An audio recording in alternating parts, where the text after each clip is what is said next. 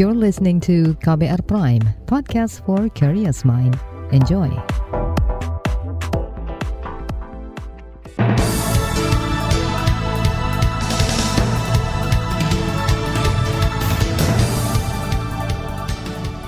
Selamat pagi saudara, senang sekali kami bisa menjumpai Anda kembali melalui program Buletin Pagi edisi Senin 14 Maret 2022 bersama saya Naomi Liandra. Sejumlah informasi pilihan telah kami siapkan di antaranya, wacana penundaan pemilu terus menuai penolakan. Jokowi akan berkemah di IKN Nusantara. Komnas HAM akan panggil Densus 88 usai tembak mati terduga teroris di Sukoharjo. Inilah Buletin Pagi selengkapnya terbaru di Buletin Pagi. Saudara, wacana penundaan pemilu 2024 dan penambahan masa jabatan Presiden Joko Widodo kembali mengemuka dan menuai penolakan berbagai pihak. Setelah sebelumnya wacana itu dilontarkan Ketua Umum PKB, PAN, dan Golkar, kali ini Luhut Binsar Panjaitan yang masih menjabat sebagai Menteri Koordinator Bidang Kemaritiman dan Investasi atau Menko Marves ikut buka suara. Luhut mengatakan wacana penundaan pemilu dan penambahan masa jabatan Jokowi merupakan hal yang lumrah di negara demokrasi seperti Indonesia. Soal mungkin atau tidak mungkin itu, kan itu nanti DPR MPR juga yang menentukan. Tapi bahwa ada wacana-wacana macam-macam di publik kan itu kan bagian daripada demokrasi. Jadi ada yang bilang misalnya hashtagnya turunkan Jokowi gitu. Ya udah, tapi kalau sampai di situ aja kan biar aja. Terus ada yang bilang sekarang Jokowi perpanjang, ya sudah. Tapi kalau ini suara ini membesar, ya silakan mau ditanggapi atau tidak gitu. Kan tergantung daripada perwakilan ya. rakyat juga. Luhut mengklaim punya data yang mencakup suara 110 jutaan rakyat. Kata Luhut, data itu menyebut rakyat ingin hidup tenang dengan ekonomi yang terjamin. Data itu juga menyebut rakyat tak ingin di masa ekonomi yang sulit, duit triliunan rupiah malah keluar dari kas negara hanya untuk pesta demokrasi. Pernyataan ini muncul tak lama usai investigasi majalah Tempo mengungkap peran Luhut di balik usulan penundaan pemilu 2024. Luhut ditengarai meminta beberapa petinggi partai politik untuk menyuarakan perpanjangan masa jabatan Jokowi dan penundaan pemilu 2024. Sebelum Luhut bersuara, Presiden Jokowi juga sudah merespon wacana penundaan pemilu 2024. Kepada harian Kompas, Jokowi memastikan akan tunduk pada konstitusi. Jokowi juga mengatakan tak bisa melarang wacana itu muncul di publik. Sejumlah fraksi di parlemen menolak dengan tegas wacana penundaan pemilu 2024. Anggota fraksi PKS Mardani Alisera mengatakan hal itu melanggar konstitusi. Kata dia, penundaan pemilu lewat amandemen UUD 1945 juga bukan hal yang mendesak dilakukan. Penolakan bahkan datang dari partai pengusung Jokowi di Pilpres PDIP. Anggota Komisi Bidang Pemilu di DPR Muhammad Rifki Nizami Karsayuda menegaskan tidak ada pembahasan ihwal usulan penundaan pemilu di komisinya. Kami sampai saat ini tidak ada melakukan pembahasan apa pun di internal ya, di Komisi 2 DPR RI misalnya yang diberikan tugas konstitusional untuk e, membahas e, soal-soal kepemiluan dan karena itu kita menganggap wacana ini adalah diskursus ya yang berada di luar e, gedung DPR ini dan bagi PDI Perjuangan kami tidak sebangun pemahaman kami dengan ide e, penundaan maupun perpanjangan masa jabatan. Anggota Komisi Bidang Pemilu di DPR Muhammad Rifki Nizami memastikan tahapan pemilu 2024 akan segera dibahas pada masa sidang pertengahan Maret mendatang. Salah satu yang akan dibahas yakni terkait anggaran pemilu yang belum ditetapkan pemerintah dan DPR. Pakar Hukum Tata Negara dari Universitas Andalas Sumatera Barat, Ferry Amsari, meminta Presiden Jokowi melarang menteri-menterinya memberikan pernyataan yang melanggar konstitusi. Desakan itu disampaikan Ferry usai Menko Marves Luhut melontarkan pernyataan terkait penundaan pemilu dan perpanjangan masa jabatan presiden. Menurut Ferry, perpanjangan masa jabatan presiden berpotensi melahirkan pemerintahan yang otoriter. Dia khawatir partai koalisi pemerintah akan mudah mengubah konstitusi untuk memuluskan penundaan pemilu 2024 kalau mengikuti model informal di luar ketentuan undang-undang dasar karena ini mayoritas adalah partai koalisi pemerintah tentu akan sangat memungkinkan untuk mengatur hal-hal yang katakanlah tidak disetujui oleh rakyat. Oleh karena itu kemungkinannya bisa saja terjadi, tetapi secara teori ketatanegaraan itu pasti berbasis kepada kepentingan kekuasaan. Pakar Hukum Tata Negara Ferry Amsari menambahkan pemerintah tidak boleh menggunakan alasan keterbatasan anggaran untuk menunda pemilu. Dia mendorong agar anggaran program nasional yang tak diatur dalam konstitusi, seperti pembangunan ibu kota negara baru direalokasi untuk penyelenggaraan pemilu. Ferry juga mendesak Jokowi bersikap jelas menolak perpanjangan masa jabatan. Sementara itu, Sekretaris Umum Muhammadiyah Abdul Mukti mempertanyakan klaim Menko Marves Luhut soal data 110 juta warganet yang ingin pemilu ditunda. Sebab menurut dia, lembaga survei dan analis pakar menunjukkan sebagian besar rakyat menolak menunda pemilu dan perpanjangan masa jabatan presiden. Dia menyadari para elit atau tokoh politik berpengaruh dapat menggunakan kekuasaannya untuk terus mendorong wacana penundaan pemilu bisa dengan amandemen UUD 1945 atau bentuk lain untuk melanggengkan kekuasaan. Untuk itu dia mendorong para pimpinan dan elit partai politik tidak memaksakan kehendak. Menurutnya, penundaan pemilu yang mendorong presiden menjabat tiga periode tidak etis untuk dijalankan.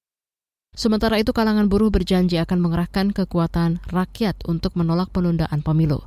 Presiden Konfederasi Serikat Pekerja Indonesia KSPI Said Iqbal mengatakan para buruh bisa mengadakan aksi besar-besaran dan mogok kerja. Menurutnya penundaan pemilu akan membahayakan kesejahteraan rakyat.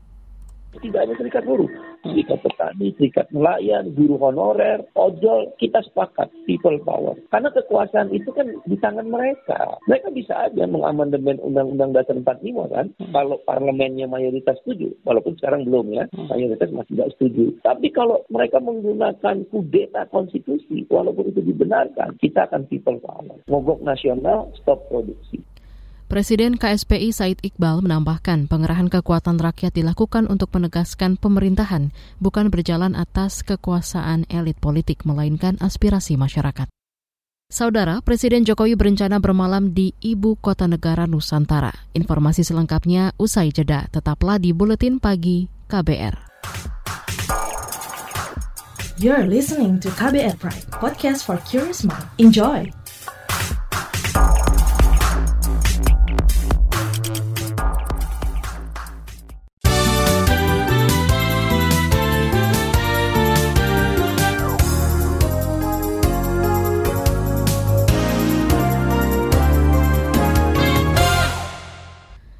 Anda sedang mendengarkan buletin pagi KBR. Presiden Joko Widodo berencana bermalam atau berkemah di titik 0 km ibu kota negara IKN Nusantara di Penajam Pasir Utara, Kalimantan Timur. Kepala Sekretariat Presiden Heru Budi Hartono mengatakan Presiden akan menginap di tenda sederhana yang aman.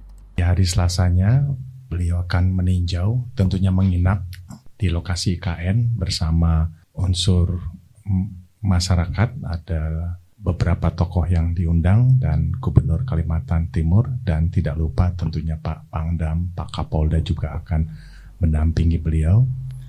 Itu tadi Kepala Sekretariat Presiden Heru Budi Hartono. Mengutip antara, Jokowi akan melakukan ritual kendi Nusantara bersama seluruh gubernur. Semua gubernur diminta membawa air dan tanah dari masing-masing daerahnya. Pembangunan IKN tahap awal ditargetkan rampung pada 2024 mendatang. Sebelum bertolak ke Kalimantan, Presiden Joko Widodo mengecek ketersediaan minyak goreng di sejumlah lokasi di Yogyakarta kemarin. Di beberapa toko yang dikunjungi, Jokowi sempat menanyakan harga dan distribusi minyak goreng ke penjual. Di beberapa lokasi, kepala negara menemui harga minyak yang menembus Rp20.000 per liter, jauh dari harga eceran tertinggi yang ditetapkan pemerintah, yakni Rp14.000 untuk minyak kemasan premium. Beberapa pedagang juga mengeluhkan lambatnya pasokan minyak. Terpisah, Sekretariat Kabinet Pramono Anung menyebut Jokowi selalu mengecek ketersediaan minyak goreng tiap kali melakukan kunjungan ke daerah. Dan beliau sangat memahami terhadap persoalan ini. Beliau juga memotret dan kemudian juga beliau segera akan memutuskan langkah-langkah apa yang akan diambil oleh pemerintah dalam waktu dekat ini. Karena hal ini tidak bisa dibiarkan terlalu lama. Sehingga dengan, dengan demikian e, direncanakan setelah kembali dari acara IKN ini, Presiden akan mengadakan rapat intern untuk segera memutuskan uh, persoalan yang berkaitan dengan minyak goreng ini. Itu tadi Sekretariat Kabinet Pramono Anung. Sementara itu Komisi Pengawas Persaingan Usaha KPPU akan mendalami temuan dugaan penimbunan minyak goreng di sejumlah daerah. Direktur Ekonomi KPPU Mulyawan mengatakan lembaganya akan menjatuhkan sanksi administratif jika ada pelaku usaha yang sengaja mengatur pasokan. Kata dia sanksi bisa berdampak pada penutupan usaha. Dan memang kalau melihat adanya ada penimbunan, apa fakta-fakta adanya penimbunan atau tidak tersalurkannya minyak goreng ke masyarakat saat ini, kami melihat bahwa ini mungkin karena disebabkan ya adanya disparitas yang cukup besar antara uh, harga minyak goreng di level masyarakat di, di, di acara harga eceran tertinggi dengan harga uh, minyak goreng untuk yang yang industri. Direktur Ekonomi KPPU Mulyawan menyebut penyebab kelangkaan dan melambungnya harga minyak goreng karena kenaikan harga minyak sawit. Menurutnya, banyak pabrik minyak goreng tak mendapat pasokan minyak sawit dari produsennya. Kementerian Agama Kemenak menetapkan label halal Indonesia sebagai tanda kehalalan produk. Label baru itu berlaku efektif per 1 Maret lalu sekaligus menggantikan label halal yang dikeluarkan oleh Majelis Ulama Indonesia MUI. Kepala Badan Penyelenggara Jaminan Produk Halal BPJPH Kemenak Muhammad Akil Irham mengatakan pelaku usaha diperkenankan menghabiskan stok kemasan label halal dari MUI. Namun untuk produk baru harus mencantumkan label halal dari Kemenak. Menurutnya kebijakan ini merupakan bentuk kemudahan dari pemerintah untuk pelaku usaha dalam masa transisi pelaksanaan sertifikasi halal dari yang sebelumnya bersifat sukarela menjadi wajib. Epidemiolog dari Universitas Indonesia Tri Yunis Miko mendorong pemerintah mewaspadai perkembangan varian Delta Cron. Organisasi Kesehatan Dunia WHO telah mengumumkan varian yang merupakan kombinasi Delta dan Omikron tersebut. Menurut Tri, seharusnya pemerintah segera menutup pintu masuk negara, khususnya wisatawan asing yang akan ke Bali. Jadi uh, menurut saya kita waspada sih harus. Uh, menurut saya kalau membuka pintu negara sih nggak perlu begitu. Jadi kalau Bali dibuka itu salah, menurut saya sih salah ya. Apalagi ada subvarian baru begitu. Harusnya di Bali tidak dibuka begitu. Epidemiolog Universitas Indonesia Triunis Miko menambahkan varian Delta Cron masih perlu dipelajari. Namun dia memperkirakan mutasi COVID-19 kali ini tidak separah varian sebelumnya. Meski begitu, varian ini harus menjadi alarm pemerintah mengetatkan kembali aturan bertransportasi dan pembatasan kegiatan masyarakatnya. Kemarin kasus COVID-19 di Indonesia bertambah 11 ribuan, sedangkan angka kematian bertambah 210-an kasus. Beralih ke informasi hukum, Menteri Koordinator Bidang Politik Hukum dan Keamanan Menko Polhukam Mahfud MD mengajak masyarakat memerangi radikalisme. Itu disampaikan Mahfud saat memberikan sambutan dalam acara Musyawarah Nasional Jamiah Ahli Tarikah Al-Muktabarah An-Nadliyah atau Jatman 2022 di Bengkulu kemarin. Dan untuk itu, salah satu yang mengancam dalam kita merawat NKRI ini adalah radikalisme Radikalisme yaitu satu gerakan yang ingin membongkar kesepakatan-kesepakatan dalam hidup bernegara sebagai darul mita sebagai negara yang dibangun dengan kesepakatan ini dibongkar dengan cara melanggar kesepakatan-kesepakatan dan tidak melalui kesepakatan. Itu radikal Menko Polhukam Mahfud MD menambahkan radikalisme memiliki tiga penampilan. Pertama yakni takfiri atau intoleran, kelompok yang mudah mengkafir-kafirkan orang. Kemudian yang kedua ideologis yakni kelompok yang masuk ke sekolah-sekolah dengan menyertakan dalil. Lalu yang ketiga yakni terorisme. Kita ke informasi mancanegara. Paus Fransiskus mengutuk keras perang Rusia-Ukraina. Mengutip antara, Paus mengatakan agresi bersenjata itu tidak bisa diterima dan harus dihentikan. Dia juga mengatakan pengeboman rumah sakit dan warga sipil merupakan tindakan barbar dan tanpa alasan strategis yang sah. Perang kedua negara itu masih terus berlanjut. Terakhir, Rusia melancarkan serangan udara di pangkalan militer Ukraina dekat perbatasan Polandia. Sembilan orang tewas dan puluhan lainnya luka-luka dalam serangan itu. Presiden Ukraina Volodymyr Zelensky menyebut sekitar 1.300-an pasukan negaranya tewas sejak invasi Rusia akhir bulan lalu. Sementara itu dia juga mengklaim 12.000 tentara Rusia tewas dalam pertempuran kedua negara. Tiongkok mencetak rekor kasus COVID-19 harian tertinggi dalam dua tahun terakhir. Kemarin negara itu melaporkan 3.300-an kasus. Pada hari sebelumnya Tiongkok juga mencatatkan penambahan lebih dari 1.500-an kasus. Melansir Reuters, penyebaran varian Omicron mendorong Beijing untuk memperkenalkan alat pengujian mandiri pertama kalinya. Pemerintah Tiongkok juga mendorong beberapa kota mengambil langkah-langkah seperti membatalkan acara kelompok, meluncurkan putaran pengujian massal, dan memotong kelas tatap muka di sekolah. Beralih ke informasi olahraga, kontraktor utama sirkuit Mandalika PTPP yakin pembangunan fasilitas pendukung bisa rampung sebelum gelaran MotoGP pada 18 hingga 20 Maret mendatang. Mengutip antara, Direktur Utama PTPP Novel Arsyad mengatakan pembangunan tribun penonton sudah nyaris rampung. Kemudian pit building atau fasilitas pembalap serta pengaspalan juga sudah tuntas dikerjakan. Proses pengaspalan ulang dilakukan sesuai spesifikasi dan standar yang ditetapkan Federasi Internasional. Rangkaian balap MotoGP Mandalika akan dimulai pada Jumat mendatang dengan sesi latihan bebas. Kemudian lomba akan dilangsungkan pada Minggu. Di bagian berikutnya kami hadirkan laporan khas KBR bertajuk Aksi Bela Rasa ala Milenial. Nantikan sesaat lagi. You're listening to KBR Pride, podcast for curious mind. Enjoy!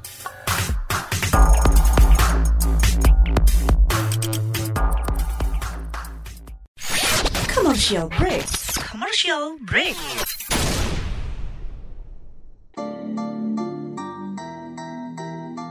Come on yo, buat yang sukanya berhoax, you better listen to this one.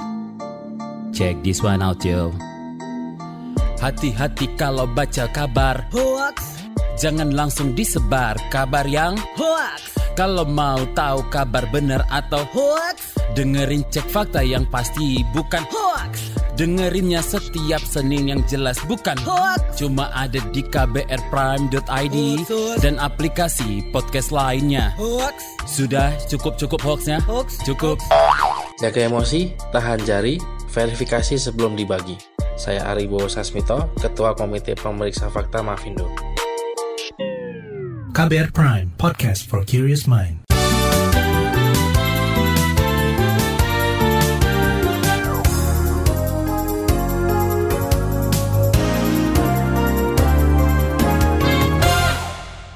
Anda masih bersama kami di Buletin Pagi KBR. Media sosial memiliki peran besar dalam menyebarkan sebuah kejadian. Kekuatan inilah yang dimanfaatkan influencer Suhendra Fu. Konten bagi-bagi rezeki milik pria 34 tahun ini viral setelah dianggap warganet tak biasa. Di banyak unggahan ia tak hanya langsung membagikan donasi, tapi membuat kuis untuk orang-orang yang ditemuinya. Jurnalis KBR Valda Kustarini berbincang dengan Suhendra Fu mengenai aksi sosialnya dan harapan untuk menginspirasi orang lain. Berapa bu? Berapa bu? Empat ribu. Gak ada receh. Sip nih. Ini adalah cuplikan suara dari video TikTok milik Suhendra Fu. Video itu memperlihatkan aksi Suhendra membeli es kopi di tukang kopi keliling. Harganya Rp4.000, tetapi dibayar Rp500.000 atau 100 kali lipat. Ini rezeki buat ibu. Semoga ibu sehat selalu. Aksi bagi-bagi rezeki yang dinamai Senang Melihat Orang Lain Senang ini dimulai Suhendra sejak September 2021 lalu. Video-video aksi sosialnya diunggah ke berbagai platform media sosial. Penontonnya pun sudah ratusan ribu.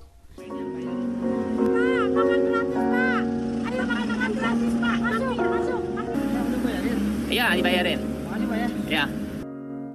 Aksi lain yang kerap dilakukan Suhendra adalah mentraktir makan. Ia memasang papan bertuliskan silakan makan saya traktir untuk menarik orang datang. Kebanyakan saya sih lebih ke memborong warung ya, jadi bisa membantu ibu warung juga bisa membantu juga orang-orang yang lewat kita bisa memberikan makan siang kepada mereka. Gerakan senang melihat orang lain senang dipicu momen saat Suhendra membantu rekannya mengikuti sebuah seminar. Dia pengen ikut seminar tapi dananya kurang. Nah, di sana saya membayar seminar tersebut dan dia sangat senang sekali. Ketika dia sangat senang sekali, hati saya juga benar-benar sangat, sangat gembira gitu kan. Dari sana saya mendapat pencerahan bagaimana kalau saya bisa membantu banyak orang lagi.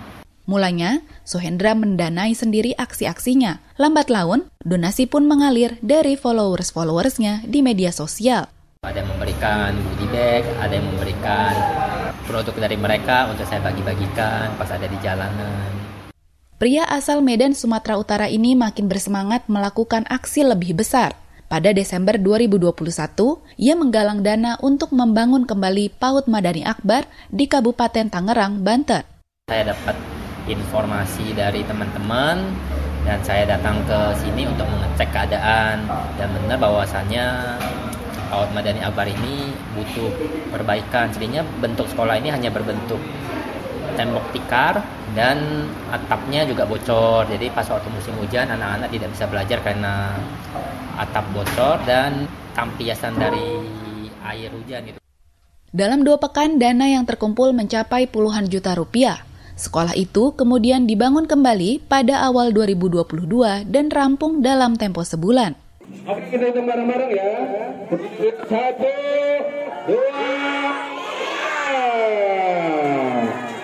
dua, Pada 22 Februari 2022, bangunan baru PAUD Madani Akbar diresmikan. Acara dihadiri Suhendra dan Kepala Sekolah Madani Akbar Jailani. Selain perbaikan gedung, sekolah juga menerima bantuan sarana penunjang seperti meja, kursi, dan loker. Anak-anak harus diajarkan dari kecil itu belajar supaya bisa mempunyai pondasi untuk ke depannya. Kalau anak-anak dari usia dini tidak, tidak kita tidak bekali dengan pendidikan, takutnya ke depannya mereka akan malas untuk belajar.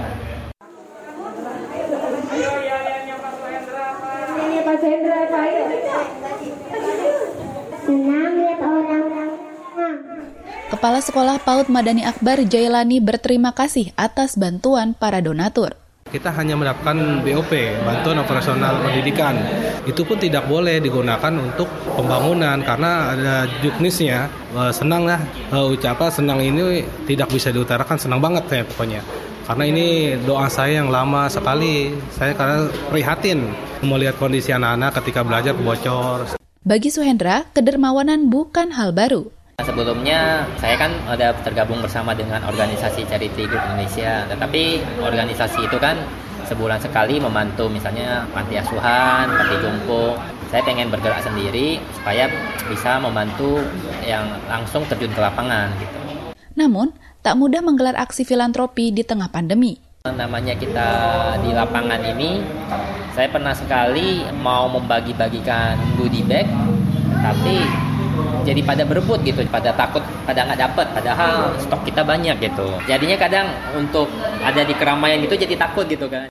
Alumni Universitas Tarumanegara Jakarta ini bakal terus menggalang aksi bela rasa untuk sesama. Saya pengen membuat yayasan membantu masyarakat-masyarakat yang terpencil.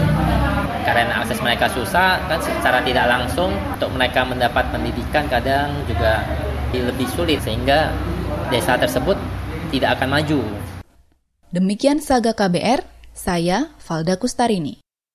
Informasi dari berbagai daerah akan hadir usai jeda. Tetaplah bersama Buletin Pagi KBR. You're listening to KBR Pride, podcast for curious mind. Enjoy!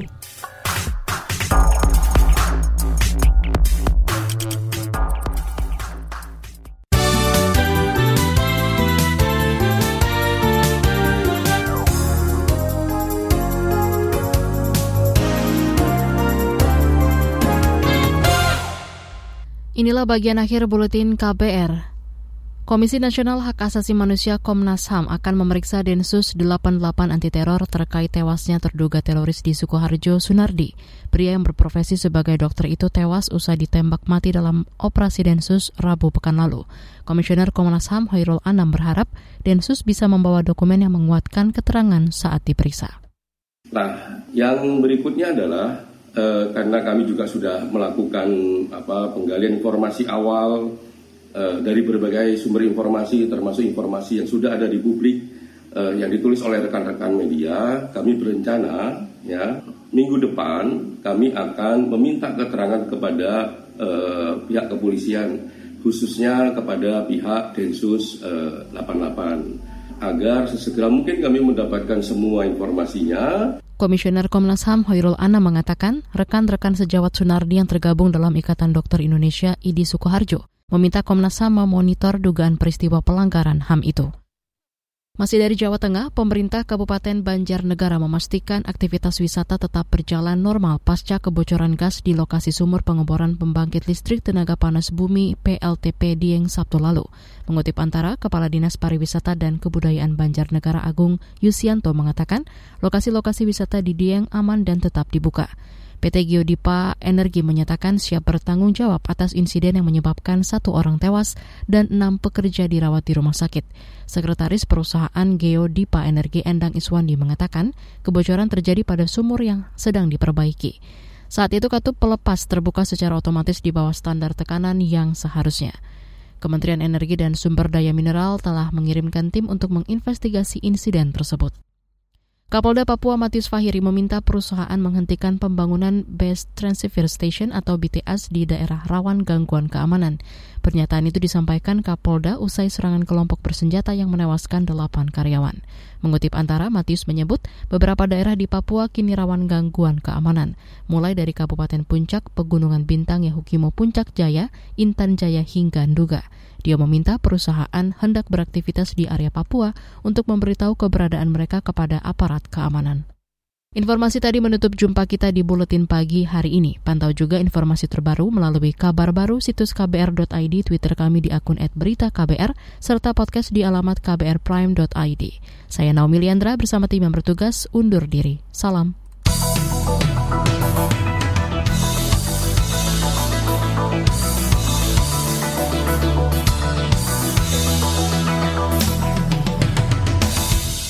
KBR Prime, cara asik mendengar berita.